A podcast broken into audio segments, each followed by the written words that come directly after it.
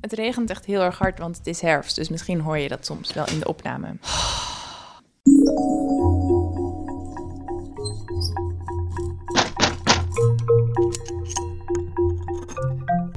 Al sla je me dood.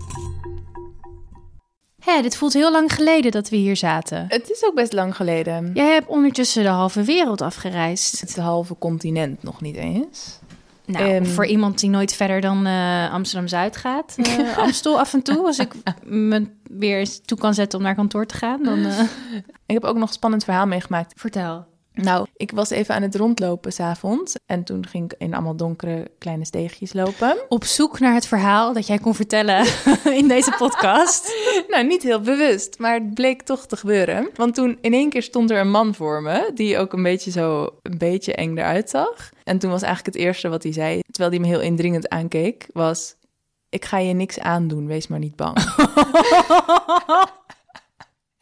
en ik vond Oh, het... spoiler alert, dat Ja. helpt niet. Nee, dat is natuurlijk zo bedreigend om te zeggen. Omdat het zo extreem was of zo, moest ik er heel hard lachen erom. En toen was hij een soort heel erg verbaasd dat ik heel erg moest lachen. En toen schrok hij daar weer een beetje van. En toen liep hij dus weer weg. Dus ik weet niet wat hij van me wilde. Ik denk dat het op zich wel meeviel dat hij gewoon geld wilde vragen of zo. Maar het was wel een heel rare situatie. Waar ik me dus uitgered heb door gewoon heel hard te gaan lachen. Ik heb nu echt, terwijl je dit verhaal vertelde, een beeld van jou in een soort van steegje achter een hele grote vuilniscontainer. Met zo'n soort van man die eruit deed, dook, Ja, duikt, sorry. ja. En dan zegt ik ga je niks aandoen. En jij dat je dan heel hard gaat lachen. Oh my god. Ja, en het deed me ook denken aan het verhaal van een luisteraar. Wat iemand had opgestuurd. Die vertelde Goed namelijk. bruggetje. Ja, die vertelde dat een, een hele tijd geleden, al toen was ze elf. En toen was ze met een vriendinnetje, liep ze in het park. En toen kwam er in één keer een man in een, uit, echt uit de bosjes. Echt, echt klassiek. Met een lange bruine jas. Die zo zijn jas opendeed. En dus niks eronder aan had. Dus Oh, de ba, ba, ba, ba. klassieke potloodventer. Oh nee. Wat natuurlijk heel naar is. Maar zij en dat vriendinnetje, zij schrokken er eigenlijk helemaal niet heel... Ze schrokken er ook wel van, maar ze vonden het ook meteen heel raar. En zij moesten er dus ook heel hard om lachen. En ze gingen alleen maar een soort van... Bah, hij heeft geen broek aan. en, en ze hadden ook gezegd... Oh, hij heeft heel veel haar, wat vies. Als je elf bent. Ja, en Oh. toen ze moesten dus alleen maar keihard lachen. En toen was die man dus ook heel erg geschrokken daarvan. En Ja. zo helemaal in de war. En toen was hij heel snel weggegaan. dus Misschien is dat goed. wel En echt gewoon een goede tip om niet vermoord te worden. Als Ja. iemand je gaat bedreigen of iets, eh, Gewoon heel hard lachen. iets engs doet. Gewoon heel hard gaan lachen. Ja, ze hadden het gelukkig wel ook tegen hun ouders verteld. Dat is natuurlijk ook belangrijk. En toen hadden ze ook nog aangifte gedaan, maar uiteindelijk nooit achtergekomen wie het nou eigenlijk was. En zij woont nog steeds in hetzelfde dorp. Dus ze de- af en toe ziet ze iemand en denkt ze, hmm, volgens Was mij jij was het? jij het. Maar dat weet ze dan eigenlijk niet zeker meer. Dus dat is ook heel grappig. Ah. Gelukkig liep het goed af, allemaal weer. ja, Maar, maar ja, goede gros, het gros deel van onze enge verhalen die wij opgestuurd krijgen... gaat over jonge meisjes die Ja. zo elf zijn en door het park lopen, s'avonds. Ja, en heftig, dan, hè? Ja, Dus misschien nog meteen een andere tip, als het specifiek daarover gaat, is om het altijd wel even te melden aan eh, je ouders bijvoorbeeld, of iemand anders die boven de 18 is. absoluut. Ja. Ja. Hoe gaat het met jou? Goed hoor. Wat ga je me vertellen? Ik was helemaal into dit verhaal toen ik het aan het opzoeken was en zo. Dus Oh. ik heb er echt super veel zin in. Oh, wat spannend. Ik ben Soms dan heb ik verhalen en dan begin ik eraan en dan halverwege is het zo'n beest van een... Maar deze vond ik gewoon eh, de twists en turns en zo. En gewoon een beetje... Gewoon, het was weer een onderwerp waar ik nog niet zo vaak over had nagedacht. Waardoor ik dacht, huh, interessant. Nou, ik ben nu van- wel echt heel erg benieuwd. Oké, ik ga maar gewoon beginnen, denk ik. Vertel. Oh ja, en ik wilde al heel lang een verhaal uit Ierland. En eh, dat is dus deze. Volgens mij is dit onze allereerste Ierse zaak. Ja, volgens mij ook. Is het Noord- Noord-Ierland of gewoon Ierland? Eh, Dublin. ja, gewoon Ierland heet dat. Ik, ik denk niet dat je gewoon moet zeggen, maar Oh, je bedoelt eh Republiek... eh, ik weet, niet, ik weet alleen dat één, één heet Ierland en de Noord-Ierland. andere Noord-Ierland. En dat, dat vinden zij zelf allemaal heel belangrijk. En verder weet ik er niet veel van.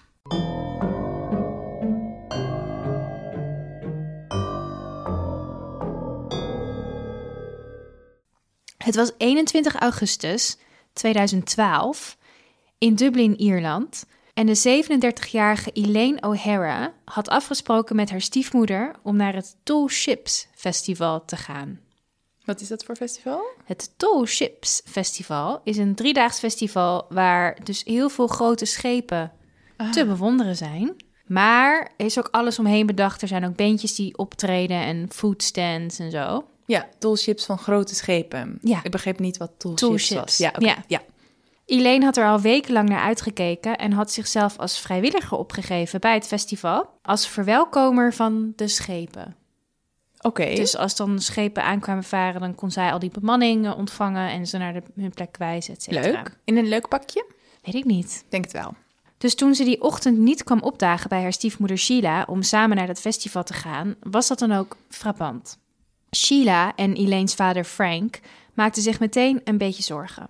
Want nog geen dag eerder was Elaine namelijk ontslagen uit het ziekenhuis, waar ze drie weken had doorgebracht op de psychiatrische afdeling. Oh, oké. Elaine worstelde al sinds haar vijftiende met ernstige depressies en borderline personality disorder, nadat ze een moeilijke jeugd gehad had waarin ze veel gepest werd door leeftijdsgenoten. En ze leefde ook met onder andere astma, diabetes en dyslexie. Oh, heftig allemaal.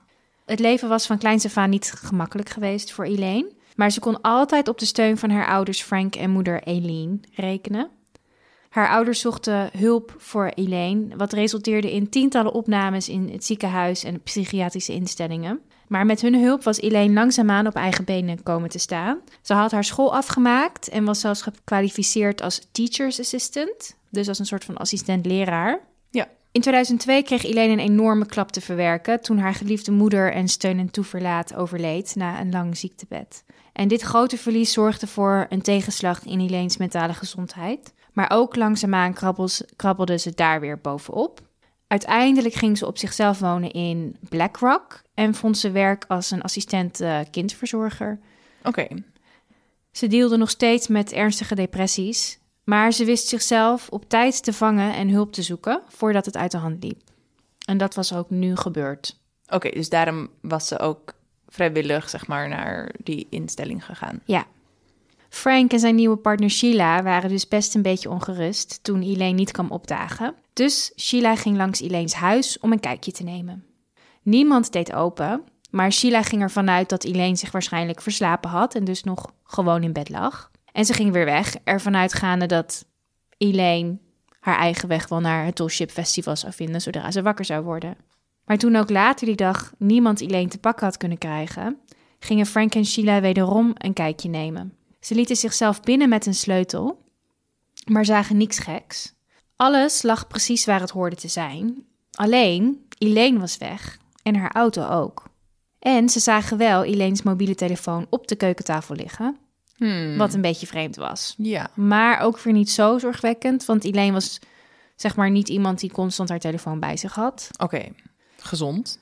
Ja, nou het is ook 2012 hè, dus ik denk dat dat voor eh, Ja, toch wel een goede, bijna tien jaar geleden. Ja, dat is waar. Ja, toen had ik ook nog niet altijd mijn telefoon bij me. Nee, klopt. Ik ook niet, denk ik. Maar toen er nog een dag en nog een dag voorbij ging, zonder een woord van Elaine, groeide het onrust bij Frank en Sheila. En ze besloten nogmaals naar Elaine's huis te gaan.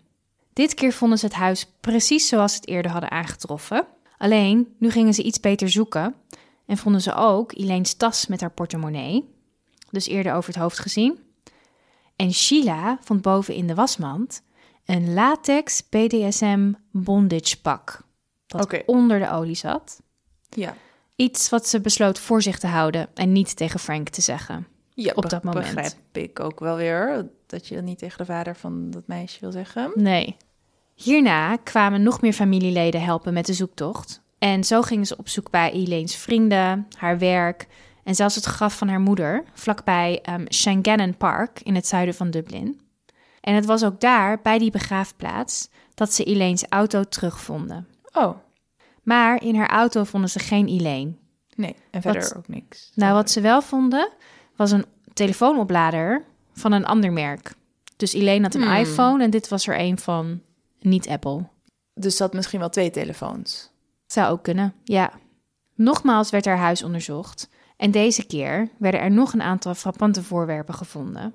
Namelijk uitgeprinte informatie over jachtmessen Oh, En over bosgebieden Killikee Forest en de Varsity Reservoir. Dat zijn beide plaatsjes in een bosgebied net buiten Dublin, ter zuiden van Dublin. En ook vlakbij waar haar auto gevonden was, bij die begraafplaats. En kun je daar jagen? Ja, in een bos in Ierland Ja. valt vast wel wat te halen, Ja. denk ik. Ja.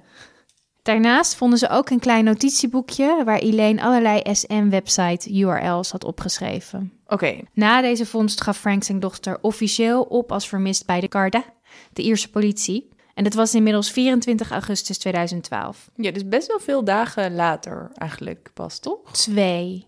Oh, Twee. oké. Ja, Ja. oké. Het is op zich, denk ik, het is zowel lang als kort. Nou, het is ook een volwassen vrouw. Zeg maar, een, een kind ga je veel eerder als vermist opgeven, denk ik. Een volwassen vrouw die, eh, die gewoon haar eigen leven heeft... ga je natuurlijk niet direct als vermist opgeven... als je er even niet thuis treft. Ja, precies. Ja. Elaine was dus voor het laatst gezien op 22 augustus, rond een uur of vijf in de namiddag, nadat haar vader haar had opgehaald uit het ziekenhuis en ze samen naar de begraafplaats waren geweest om bloemen op het graf van haar moeder te leggen. Daarna hadden ze een kopje koffie gedronken en had hij haar thuis afgezet. Een hardloper had Elaine daarna rond kwart voor zes gezien in het bosgebied bij Killikee Forest, waar Elaine hem had aangesproken en gevraagd had waar de voetgangersbrug voor over het reservoir was.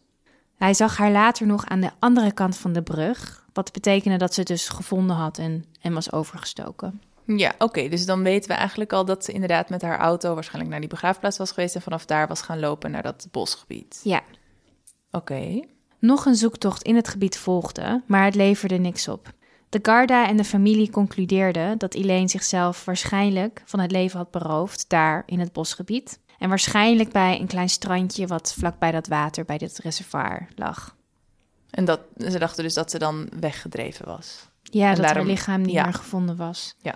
Elaine had natuurlijk jarenlang geworsteld met depressies en had een enorme emotionele dag gehad die dag bij het graf van haar moeder. En bovendien was ze ook nog aan het minderen en schakelen geweest in haar medicatie. Dus het zijn allemaal logische factoren en verschrikkelijk treurige elementen waardoor ja, de Garda tot de conclusie kwam dat dit waarschijnlijk gebeurd was. Ja, en natuurlijk, ik begrijp dat je daar dan aan denkt als je dit allemaal hoort. Maar dan nog steeds is het toch ook weer een beetje dat, omdat zij het allemaal heeft, zal ze wel zelfmoord gepleegd hebben. Mm. Zeg maar, je, het is logisch dat je er rekening mee houdt, maar dat je, omdat ze depressief was, daar maar meteen van uitgaat, is natuurlijk ook een beetje stom. Ja, wat ik wel begrepen had was dat ook haar familie het niet onplausibel vond. Ja. mhm. En nou ja, haar vader hield heel erg de hoop uit dat omdat haar lichaam niet gevonden was, dat ze misschien toch nog leefde of dat er, dat er iets anders gebeurd was. Maar ze hield er wel rekening mee dat dit toch ook wel, dat het zou kunnen. Ja. ja, ja oké, ehm, dat vooral ook ik. omdat ze eerdere pogingen had gedaan en nou ja, jarenlang mee gestruggeld had. Ja. Nou ja, zo probeerde haar familie toch haar dood te verwerken of haar, haar? Verdwijning. verdwijning Ja. te verwerken. Tot een jaar later, in augustus Maar, 2013. wa- wacht, mag ik nog iets vragen? Mhm. Eh, want dat klinkt een beetje, maar dat zal waarschijnlijk niet zo gegaan zijn alsof ze er na één dag overheen gestapt zijn, zeg maar. Want ik neem aan dat ze best nog wel goed gezocht hebben ook, toch? Ja, zeker. Ze hebben inderdaad bij dat gebied gezocht. Het is alleen heel lastig te zoeken, denk ik, in zo'n enorm bosgebied. Ja, En ik denk dat ze natuurlijk heel erg gezocht hadden bij waar zij voor het laatst gezien was. ja. En gewoon geen enkele aanwijzing hadden gevonden verder. En ook in haar huis niet echt verder. ja, dus dat je en geen enkel aanknopingspunt hebt en gewoon een heel groot gebied uitgekampt hebt. Maar als je, ja, op een gegeven moment eh, snap ik ook, ja. Ja. Tot een jaar later, in augustus 2013, een serie vondsten deze hele theorie op zijn kop zetten. Oh, Het begon met twee jongens die tijdens het vissen in het Vartri-reservoir een tas vol met SM-spullen aan de hengel hadden. Handboeien, pakjes, noem het maar op, het zat allemaal in die tas. De jongens vonden het voornamelijk erg grappig, eh, zo'n tas. begrijp ik. Maar na een tijdje besloot ze toch naar de Garda te brengen. Daar nam een agent het in ontvangst. Die had geen flauw idee wat hij met die tas aan moest. Maar na een dag, zeg maar, erover nagedacht te hebben, besloot deze agent toch om toch maar naar dat reservoir, naar het water te gaan. Om te kijken of hij nog iets anders kon vinden daar op die plaats waar die tas gevonden was. Oh, toch best bijzonder dat meteen mensen daar wel actie op ondernemen. Het is wel Ja. een soort toeval. Want eigenlijk, ik kan me heel goed voorstellen dat je die tas vindt, dat je denkt, haha. En daar, dat je het naar de politie gaat brengen is al best bijzonder. Ja, en dat de politie daar dan nog echt onderzoek naar doet. Ja. Maar deze agent die, die had eerst iets van, wat moet ik hier nou mee? Maar toen ging hij erover nadenken en toen dacht hij... waarom zou je een tas vol met SM-spullen in het water gooien? Ja, het is je best kan, je, duur allemaal ook nog. je kan het ook weggooien in een prullenbak. Of gewoon, weet je? Ja, Want wat is de reden waarom je dat zeg maar anoniem moet dumpen op een plaats waar niemand het kan vinden? ja. Hmm. dat is wel een slimme gedachte inderdaad. Ja. Goeie politieagent. En waar Rempel? Deze agent vond nog meer SM-spullen aangespoeld op het strandje. En niet alleen dat, maar tussen al deze spullen vond hij ook een klantenkaartje van een kledingwinkel. Ah, En na een simpel telefoontje kwam hij er natuurlijk achter van wie dit klantenkaartje was geweest. En je raadt het al, van Elaine. van Elaine O'Hara, ja. De agent die wist nog steeds niet zo goed wat hij ermee moest, maar hij logde het allemaal netjes in, eh, maakte een rapportje ervan en zette het in het politiesysteem. En had hij niet meteen gezien dat dat dus een vermiste vrouw was? Ja, dat weet ik niet. Misschien wel, maar ik weet ook niet hmm, wat je daar dan verder mee moet. Weet je, deze vrouw is vermist, is vermoedelijk in het water ja, gestorven. Aan haar eigen hand, zeg maar. Ja, ja, ja. Dus het, op zich kan je, oh, denk je, oké, ja, dan kan je haar klantenkaartje vinden daar. Hmm, ja, Hmm, precies. ik weet het maar niet. het is natuurlijk gek, ja. Dat was een beetje gek. Een paar weken later, in september, deed een vrouw met een hond in Killikee Forest een gruwelijke ontdekking.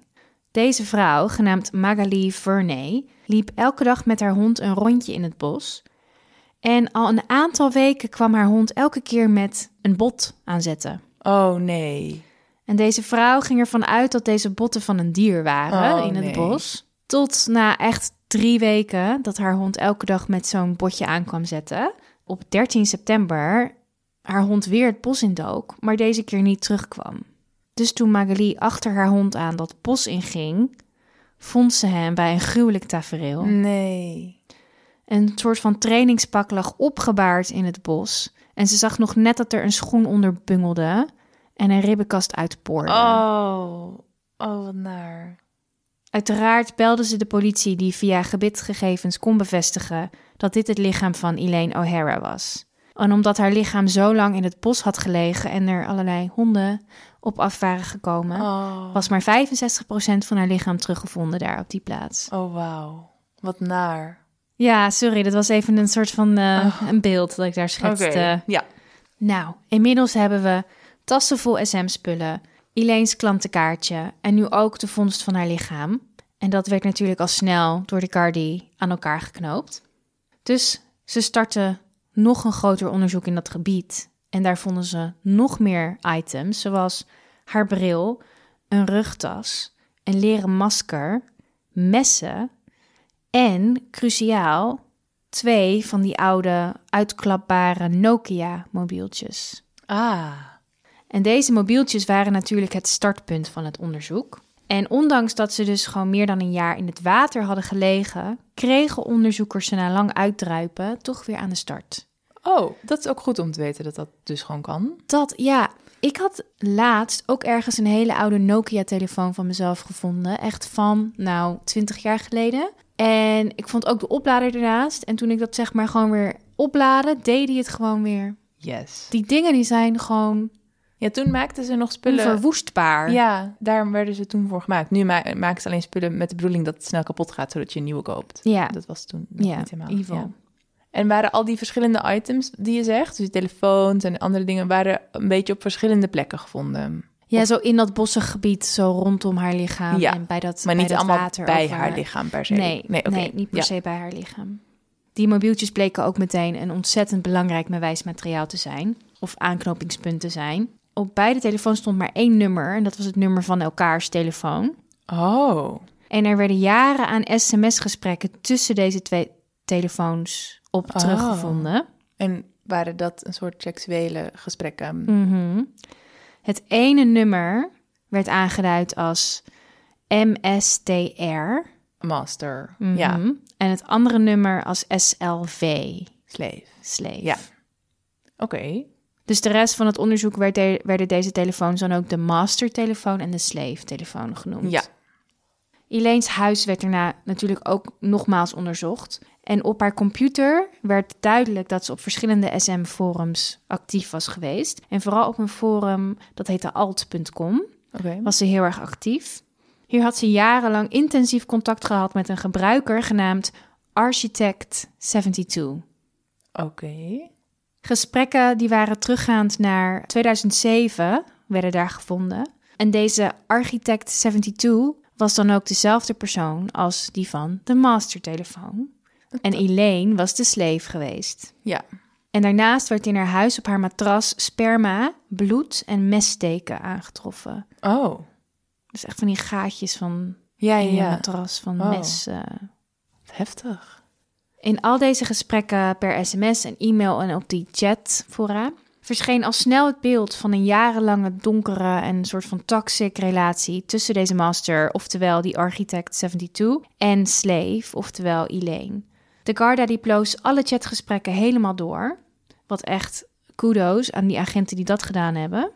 Er waren twee, volgens mij 2600 sms'jes gevonden op de Oh telefoon. ja, daar ben je even mee bezig. Ja, dat is niet heel erg eh, relaxed eh, leesmateriaal, denk ik. Ook dat, ja. Hoewel natuurlijk, kijk, het prima is om die fetish te hebben en daarmee te experimenteren. Maar, Ja, ja, maar. Hier, hier is het geloof ik wat ver gegaan. Ja.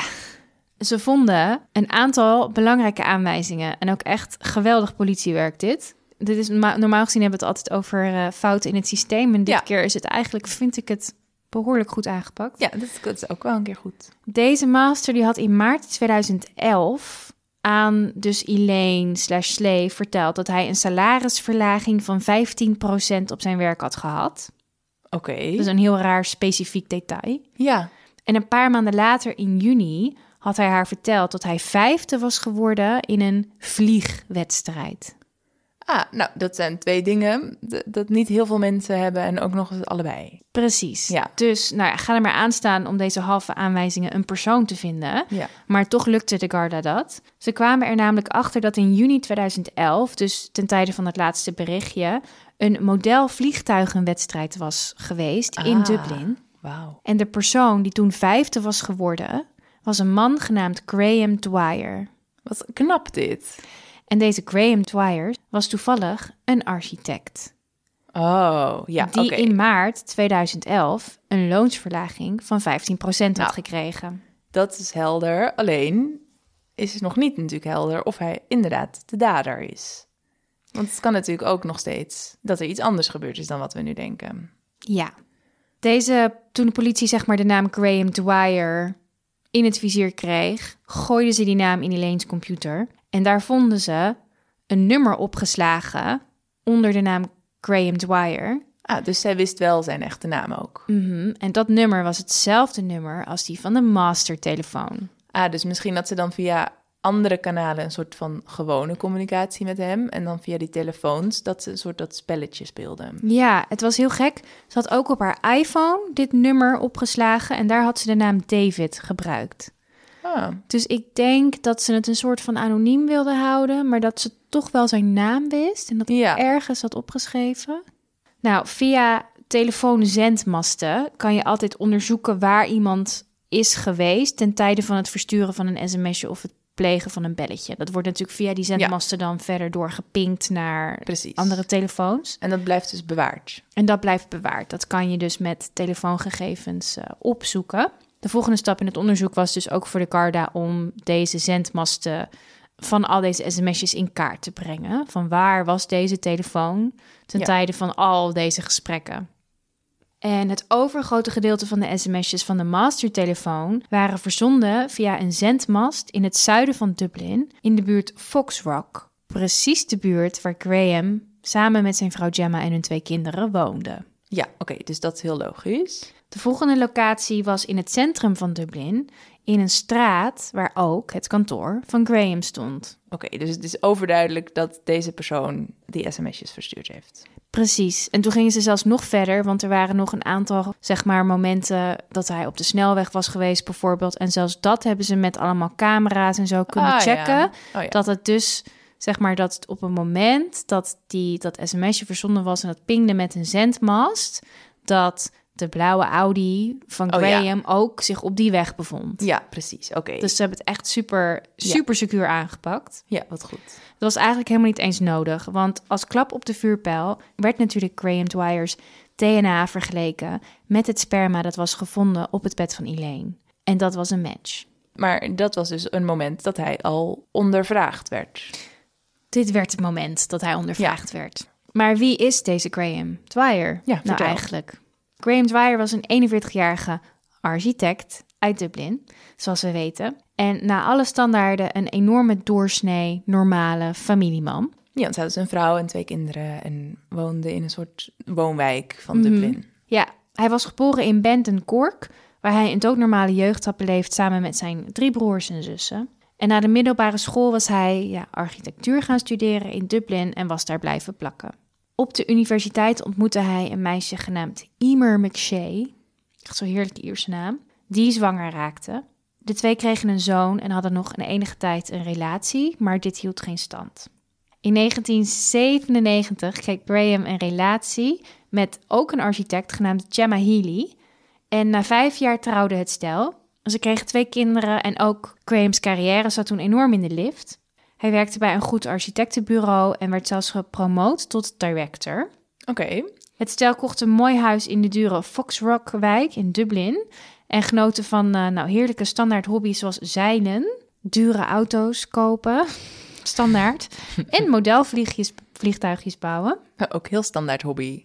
En dus SM. Wat En dus SM. volgens mij een meer standaard hobby is dan modelvliegtuigjes bouwen. Maar goed.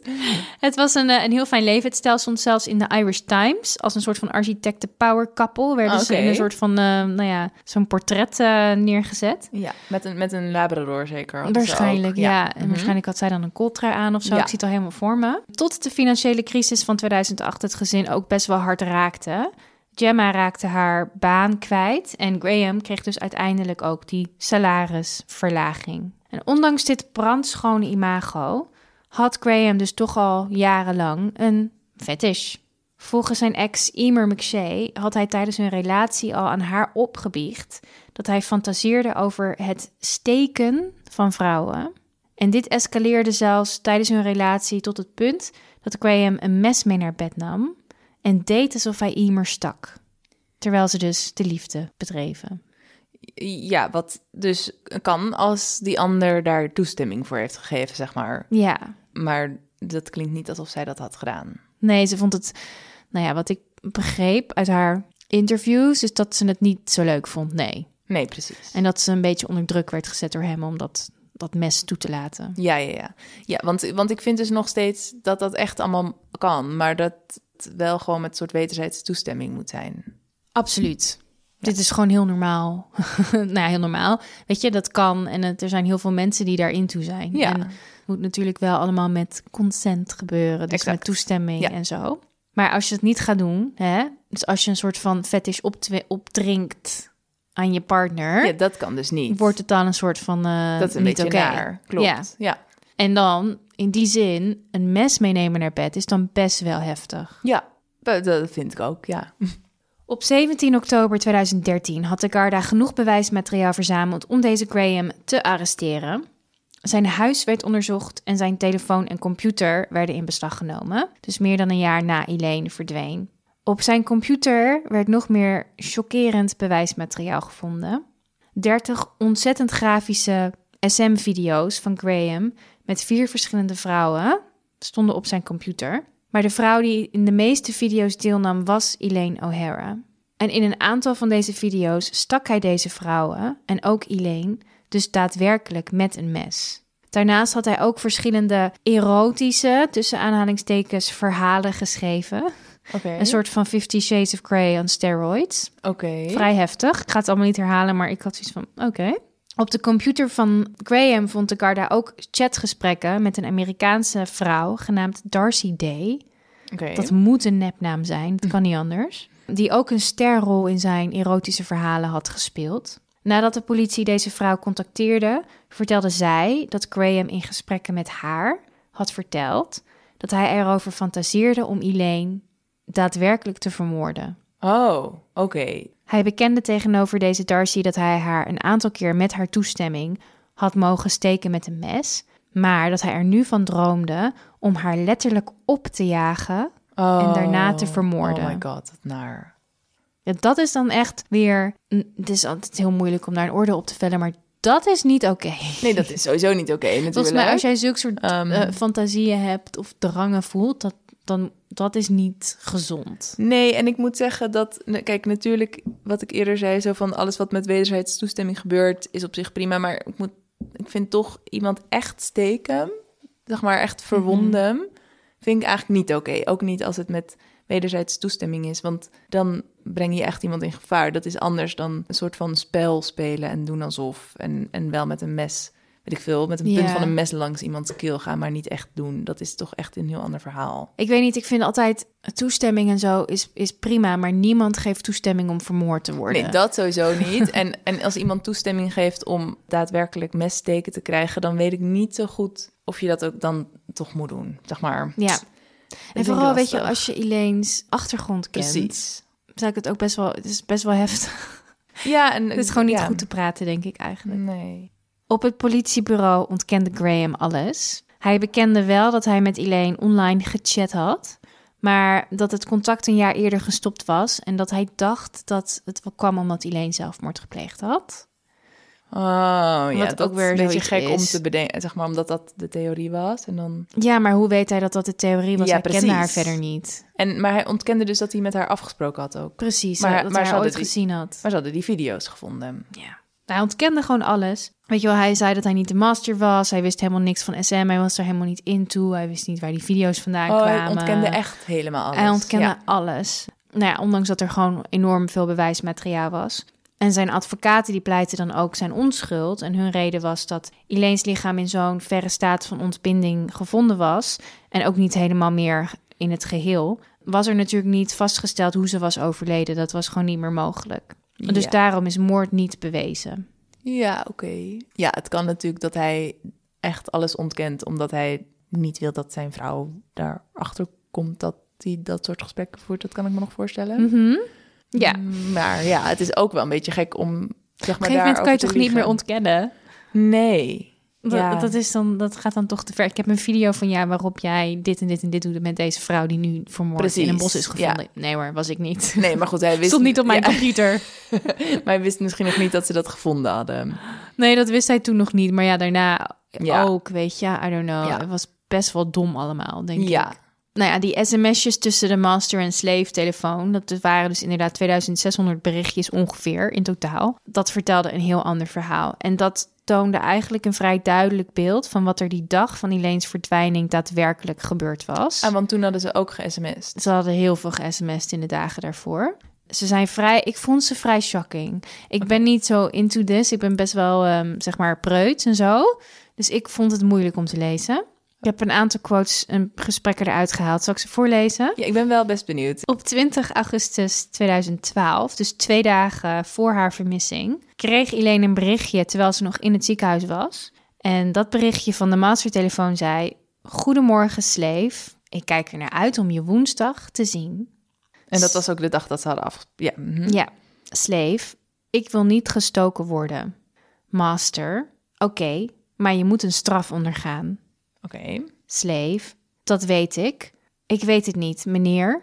Je weet dat ik niet goed kan kiezen. Master. Oké, s s'nachts in het bos. Slave. Oké, je mag me steken. Master. Oké, maar ik moet bloed zien en het moet buiten zijn. Alsjeblieft, meneer, binnen. Waarom? Ik ben bang dat als we buiten zijn, je me gaat vermoorden. Oh, wauw. Oké. De volgende dagen schreef Graham vanuit die mastertelefoon naar Elaine dat hij haar dus de 22e wilde zien, dat het buiten moest zijn, dat hij haar zou vastbinden aan een boom en dat hij de perfecte afgelegen plaats had gevonden.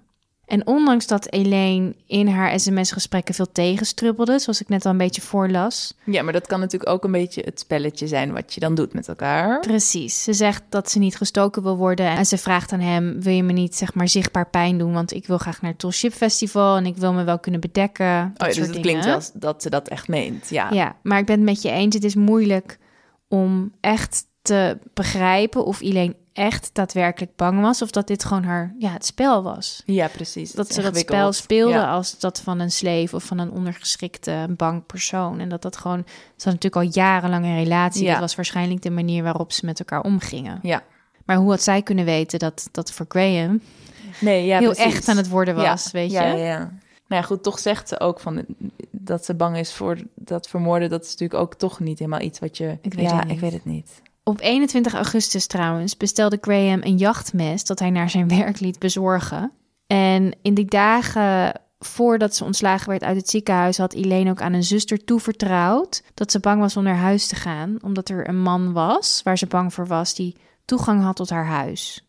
Oh. Ze had verder niet zo heel veel verteld daarover. Maar op de dag van haar verdwijning, de 22e, schrijft Elaine naar Graham, dus de- van haar slave naar de masterphone. Deze plek, dus het ziekenhuis, hoewel vaak vervelend, is in ieder geval veilig, omdat ik weet wat ik hier kan verwachten en ik wil niet weg. Ik ben zo bang. Meneer, ik ben bang van je. Je hebt me in je macht. Master, wees niet bang voor de dood. Elke keer als ik je steek en wurg, wil ik dat je denkt dat het echt is. En elke keer als ik je leven spaar, wil ik dat je weet dat je me je leven verschuldigd bent.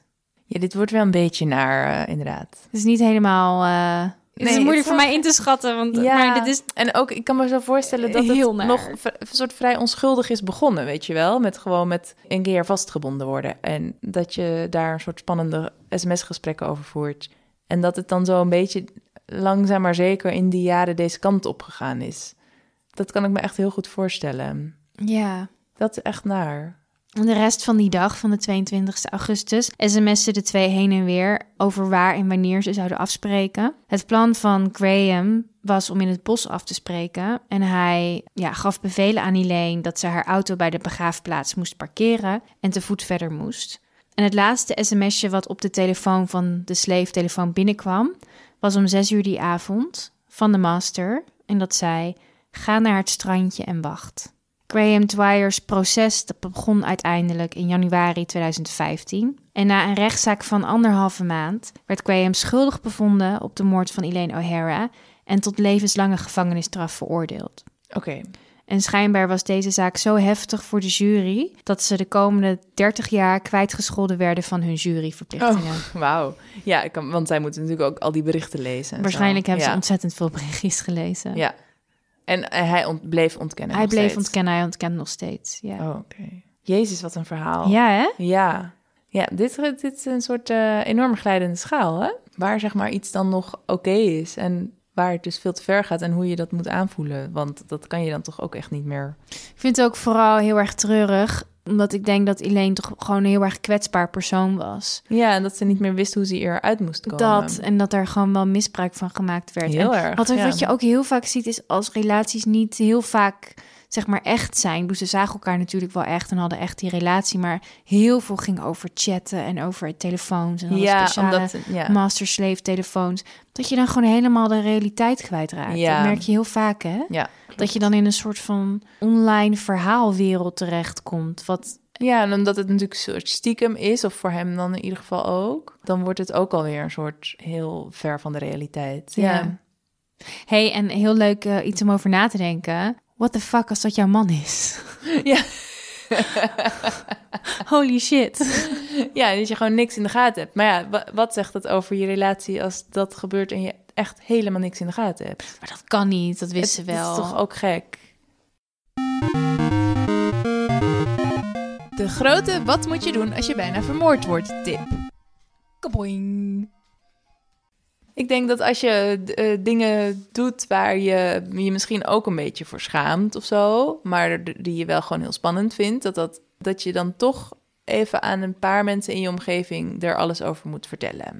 Als dat je zo een op een tip. geheime manier met mensen afspreekt die je eigenlijk dus ook niet zo goed kent, dat je dan dat niet helemaal voor jezelf houdt. Dat je één iemand het toevertrouwt en dat die persoon, iemand die je echt vertrouwt, je altijd nog even kan terugroepen. Zo van, hé, hey, ik denk dat het nu iets uit de hand aan het lopen is. En dat heb je zelf niet meer door, maar... Ja, precies. En ook omdat eh, in het begin denk je misschien wel van, nou, dit, dit is allemaal onschuldig genoeg of zo.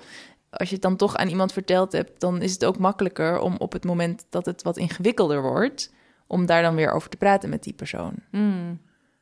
Want Ja. op het moment dat het al heel ingewikkeld is geworden, dan is het veel moeilijker als je het dan voor het eerst moet gaan vertellen. Ja, ja.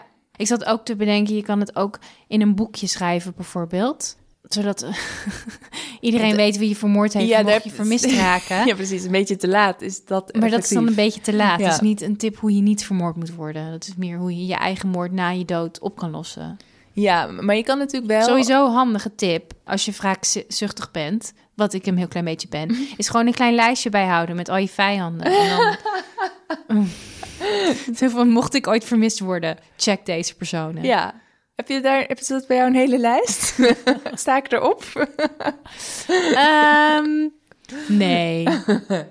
Maar je kan natuurlijk wel, als je dat boekje hebt met, als je echt soort dingen doet die een beetje spannend zijn, die je denkt, oké, dit is een beetje op het randje misschien. Hoeft niet alleen per se met seks te maken hebben natuurlijk. Kan, kunnen ook andere dit soort dingen zijn. Maar dat je het dus inderdaad in een boekje schrijft, maar dat je dat, dat kan natuurlijk dan ook nog gevonden worden terwijl je vermist bent en misschien nog niet vermoord. Dus ik Ja. vond het toch wel een goede tip. Oké.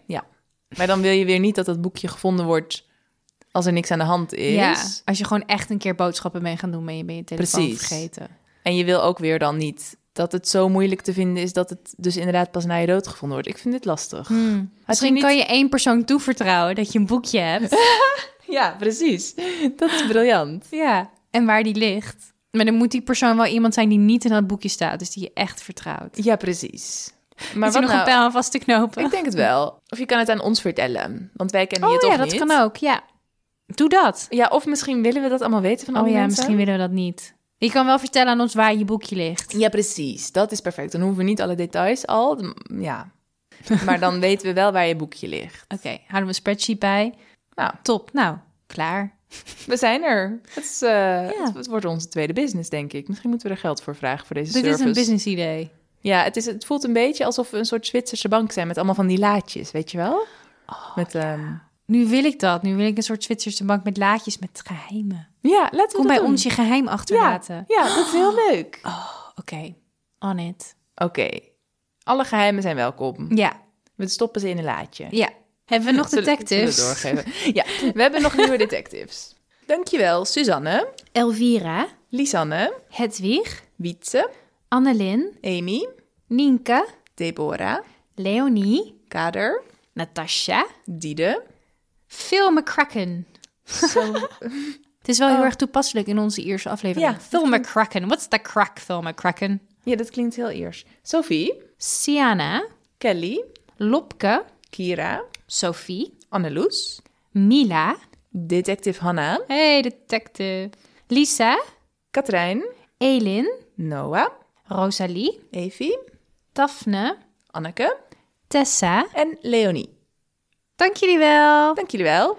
Je kan eh, nou, lid worden van ons petje af eh, en detective worden. Ja, op Ehm, petje.af slash als je me dood. je kan ons ook volgen op Instagram. Of op Facebook, maar daar kijken we niet zo vaak. Dus volg ons maar op Instagram, als me dood. Podcast? Podcast, sorry.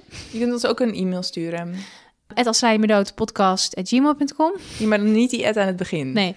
en je kan ons ook volgen op Spotify, Apple, Deezer, Google Podcasts. Waar kan je nog meer luisteren? Dat, ik, ik weet het niet eens allemaal, want er zijn zoveel dingen. Het internet is, is geweldig. Ja. Oké, Dankjewel. Doei. doei!